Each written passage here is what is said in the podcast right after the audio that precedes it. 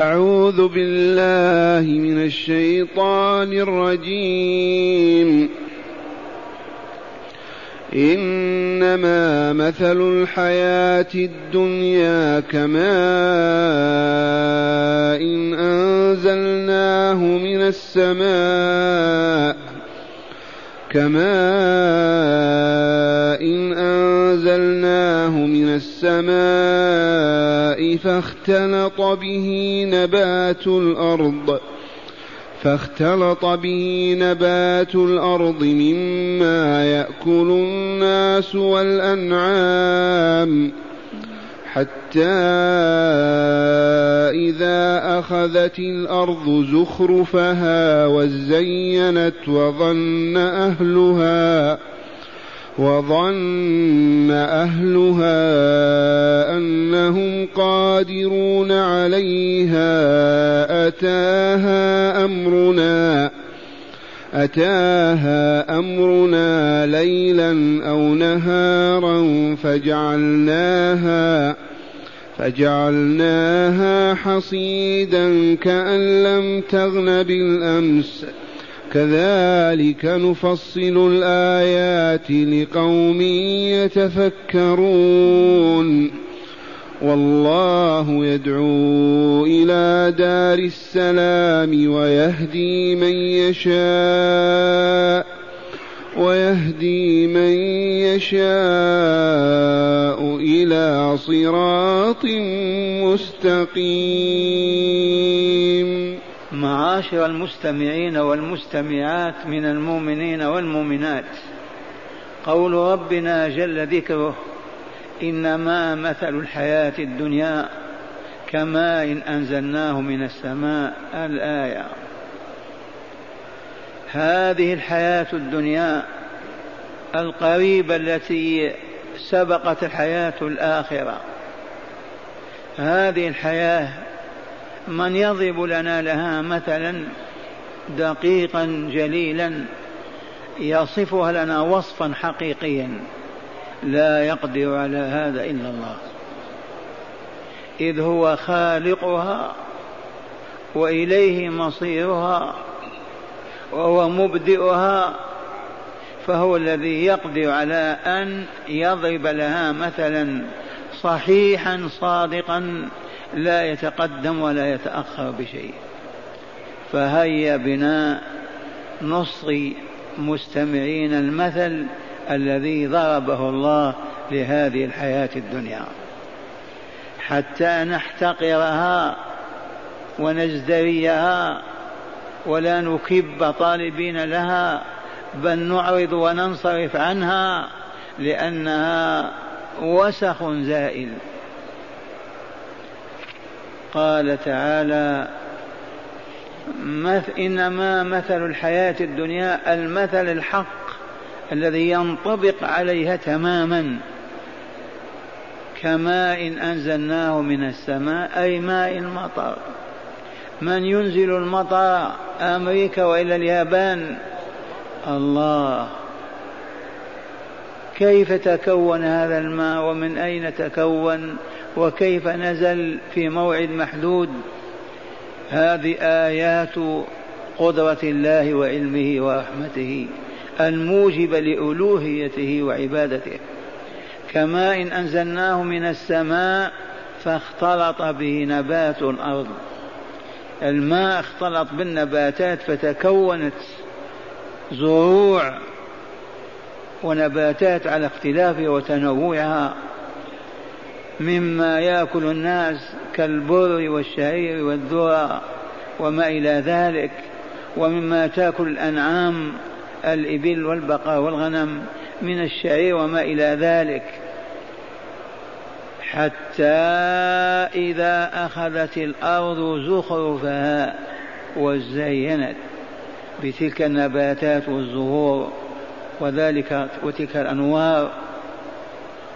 وظن أهلها أنهم قادرون عليها. قادرون على أن يستفيدوا من تلك الزروع ومن تلك الأشياء ومن, تلك ومن ذلك الثمار. قادرون عليها. أتاها أمرنا. وهو أن يقول للشيء كن فيكون. أو يقول لجبريل أو ميكائيل اقلب. هذه البلاد ظهر على بطن. أتاها أمرنا ليلا وهم نائمون أو نهارا وهم غافلون فجعلنا حصيدا. والحصيد المحصود لم يبقى شيء قائم ولا واقف على ساق الكل في الأرض. كأن لم تغن بالأمس كأن لم توجد بالأمس وهو كذلك. إذا هذا المثل يبين لنا حقيقة هذه الحياة. كامرأة خطبها خاطب فتهيأت لاستقباله فلبست حللها وحليها وعدت زينتها وانتظرت زوجها ما هي إلا ساعة مات الزوج أو ماتت الزوجة. مثل هذه الحياة الدنيا. كالمطر ينزل من السماء على الأرض المباركة فتختلط المياه بتلك الأراضي فإذا به نباتات وأشجار وثمار. ويظن أهل أنهم أصبحوا قادرين على الحياة. وما هي إلا مفاجأة في ليل أو نهار وإذا بها حصيد كأن لم تجد بالأمس كأن لم توجد بالأمس. وتأملوا هذه الحقيقة. لكن هل عرف الناس هذه؟ والله الذي لا إله غيره. لو عرفوها معرفة ما استطاعوا أبدا أن يعرضوا عن ذكر الله وكتابه ويقبلوا على هذه الأوساق. يعملون لها الليل والنهار. ما فجروا ولا سرقوا ولا كذبوا ولا ترابوا ولا ولوا وهم يعرفون حقيقة هذه الحياة الدنيا. فلو عرفوها ما سرقوا ولا كذبوا ولا اجترأوا على الله وقالوا ما لم يقل ولا فعلوا ما لم يأذن بفعله ولما تركوا ما أمر الله بفعله ولكن سلبتهم هذه الصورة الفانية. إنما مثل الحياة الدنيا كماء إن أنزلناه من السماء فاختلط به نبات الأرض مما يأكل الناس والأنعام. حتى إذا أخذت الأرض زخرفها وزينت وظن أهل أنهم قادرون عليها أتاها أمرنا ليلا أو نهارا فجعلنا حصيدا كأن لم تغن بالأمس. كذلك نفصل الآيات لقوم يتفكروا يتفكرون. كهذا التفصيل الذي فصله في هذا المثل العجيب لهذه الحياة بكاملها يفصل الآيات القرآنية وهي تبين العقائد والأحكام والقضايا والآداب وما إلى ذلك. تفصيلا حي به العرب وفازوا وسادوا وأعرض عنه العرب اليوم فهبطوا وذلوا وهانوا. هذا المثل ضربه ضاع خمسة وعشرين سنة والعرب سادة البشرية. وقد أنقذ الله بهم ملايين البشر من الذل والهون والدون والصغار والحقار وعذاب النار. لأنهم ما أعرض ما أقبلوا عليها. عرفوا حقيقتها وأنها زخرف فقط منظر من المناظر ويزول. لكن لما أقبل عليها المسلمون عربا وعجما وجعلوا الهدف الرئيسي والمعنى والمغزى المقصود وأعرضوا عن كتاب الله وهدي رسوله واشتغلوا بها المباني و ضاع كل شيء وهبطوا. كذلك نفصل الآيات لقوم يتفكرون. أما الميت ما يتفكر. لا يغمض عينيه ويضع رأسه بين رجليه ويفكر لما خلقت؟ متى أموت؟ لماذا وجدت؟ إلى أين يصير مصيري؟ ما الدليل على أني مؤمن؟ وهكذا حتى يهتدي بالتفكير. والذي ما يفكر أبدا إلا في النكاح والطعام والشراب. أكثر البشر لا يفكرون إلا في هذه الزواج والمال والولد والطعام والشراب. إلا من رحم الله عز وجل. كذلك نفصل الآيات لقوم يتفكرون طول حياتهم لا يغفلون لا يعرضون لا ينسون. ثم قال تعالى إعلان والله يدعو إلى دار السلام. الله بذاته يدعو إلى دار السلام. إي نعم ما أنزل كتابه ولا بعث رسوله ولا ضرب الأمثال الحياة ولا فصل الحياة إلا من أجل أنه يدعو إلى دار السلام. ما هي دار السلام؟ بغداد. ما هي دار السلام؟ إنها الجنة. لما وصفت بأنها دار السلام لثلاثة أمور.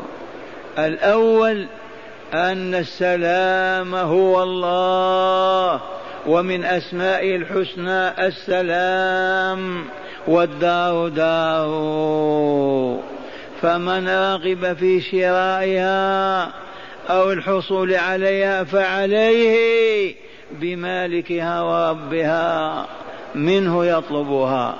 لا من الشياطين ولا من الأوهام ولا من خواطر السوء منه تطلب.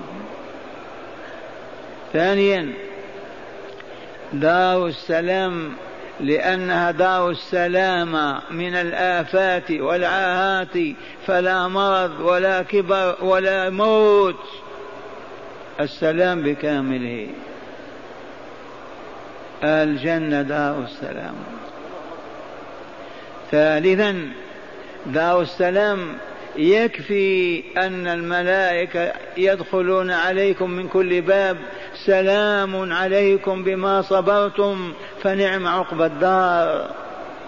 الملائكة يغدون ويروحون عليكم يا أهل الجنة بهذه التحية المباركة وهي سعادة الروح. سلام عليكم بما صبرتم فنعم عقب الدار. وأعظم من سلام الملائكة سلام الرحمن عز وجل إذ يكشف يكشف الحجاب عن وجهه ويناديهم ويقرئهم السلام ويسلم عليهم. سلام قولا من رب رحيم فهي دار السلام. من يدعو إلى هذه الدار؟ إبليس. أمريكا واليهود النازيون البلاشفة الحمر من يدعو إلى دار السلام الله وأولياؤه المؤمنون به العارفون به هم الذين يدعون إلى دار السلام. أهل الكفر والفسق والفجور والمادة العمياء والضلال البعيد يدعون إلى الجنة.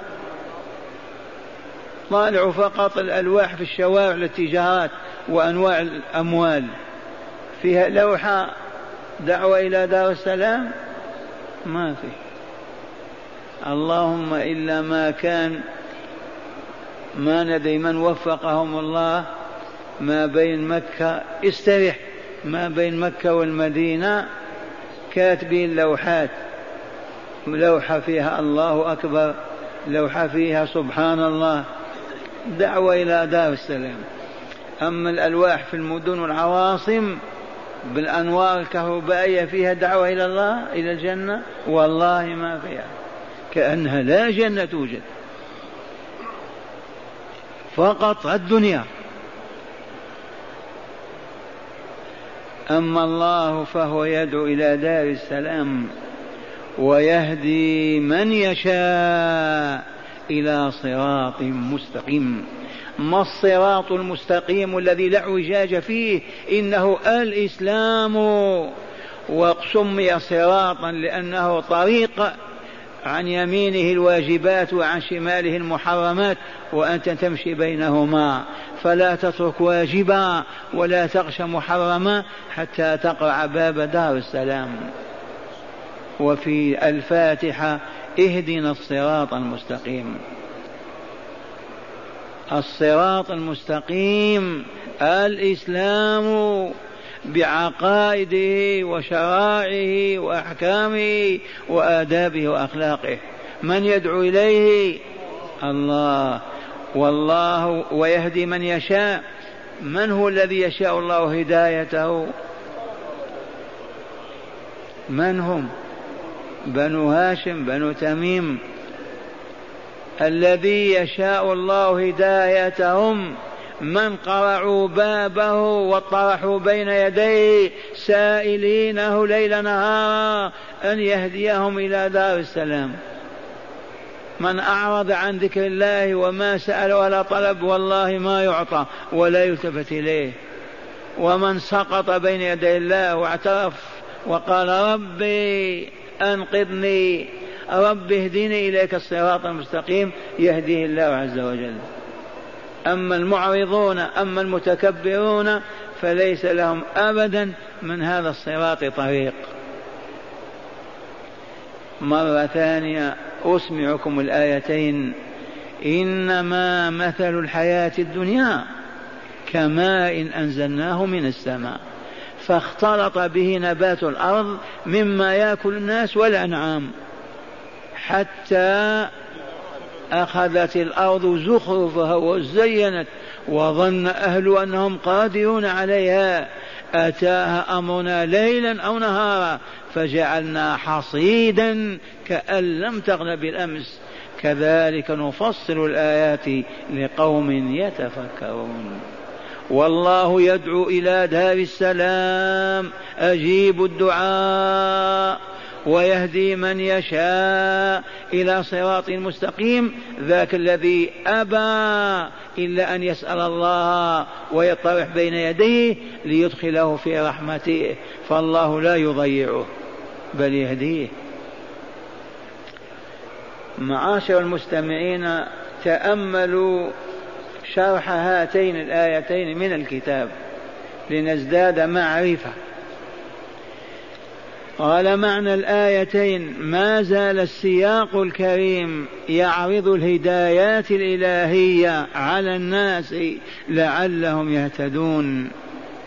ففي هذه الآية يضرب تعالى مثلا للحياة الدنيا التي يتكالب الغافلون عليها ويبيعون آخرتهم بها فيكذبون ويظلمون من أجلها.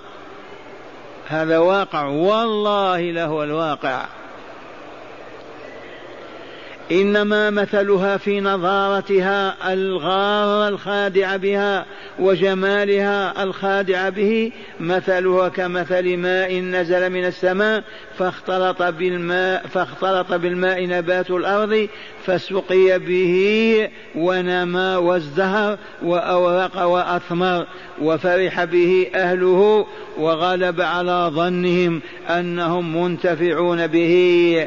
فائزون به وإذا بقضاء الله فيه يأتيه فجأة في ساعة من ليل أو نهار فإذا هو حصيد ليس فيه ما هو قائم على ساق.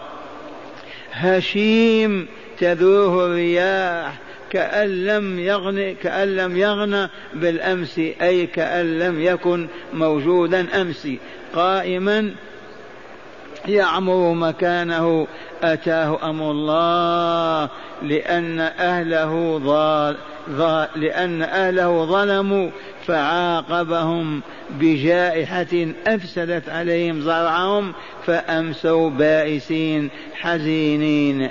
هذه الصورة المثالية للحياة الدنيا فهل لا يتنبه الغافلون أمثالي؟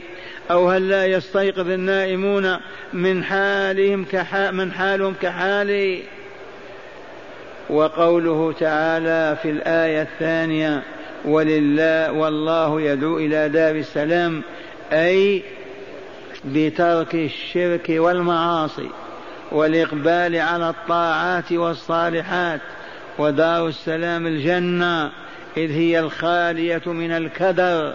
والتنغيص فلا مرض ولا هرم ولا موت ولا حزن. ودعاة الضلال يدعون إلى الدنيا والتي عمروا والتي صورتها ومآلها أنها دار الكدر والتنغيص والهم والحزن. فأي الدعوتين تجاب؟ دعوة الله أم دعوة أهل الدنيا؟ ويهدي من يشاء إلى صراط مستقيم فلنطلب هدايته بصدق فإنه لا يهدي إلا هو والصراط المستقيم هو الإسلام طريق الجنة وسلم الوصول إليها. رزقنا الله تعالى السير فيها والثبات عليه. والآن مع هداية الآيتين. لكل آية هداية وإلا لا قال من هداية الآيتين أولا بيان الصورة الحقيقية للحياة الدنيا في نظارتها وسرعة زوالها. صورة حقيقية لا يقدر عليها إلا الله وقد ضربها وبينها. ثانيا التحذير من الاغترار بالدنيا والركون إليها. لأنها زائلة وفانية ولا قيمة لها. التحذير من الاغترار بالدنيا والركون إليها. ثالثا التحذير من الذنوب فإنها سبب الشقاء وسلب النعم. التحذير من أين؟ من الذنوب. لماذا؟ لأنها سبب الشقاء وسلب النعم. كم من نعمة سلبت من صاحبها بذنبه. رابعا فضيلة الشكر وأهله. فضيلة التفكر وأهله. لقوم يتفكرون. ففي التفكر فضيلة من أسمى الفضائل وأهله من أهل الفضل. خامسا فضل الله تعالى على عباده ورحمته بهم إذ يدعوهم إلى داره لإكرامهم والإنعام عليهم. لو يقوم الآن أحدنا يدعونا إلى بيته للعشاء ما يحمد على هذا؟ فالله يدعوكم إلى داره ما إلى داركم؟ ليكرمكم أجيبوا. قولوا آمنا بالله ولقائه ونحن في الطريق إليه. نقيم الصلاة ونؤتي الزكاة ونحرم ما حرم الله ونحب ما يحب ونكره ما يكره. هذا هو الصراط المستقيم.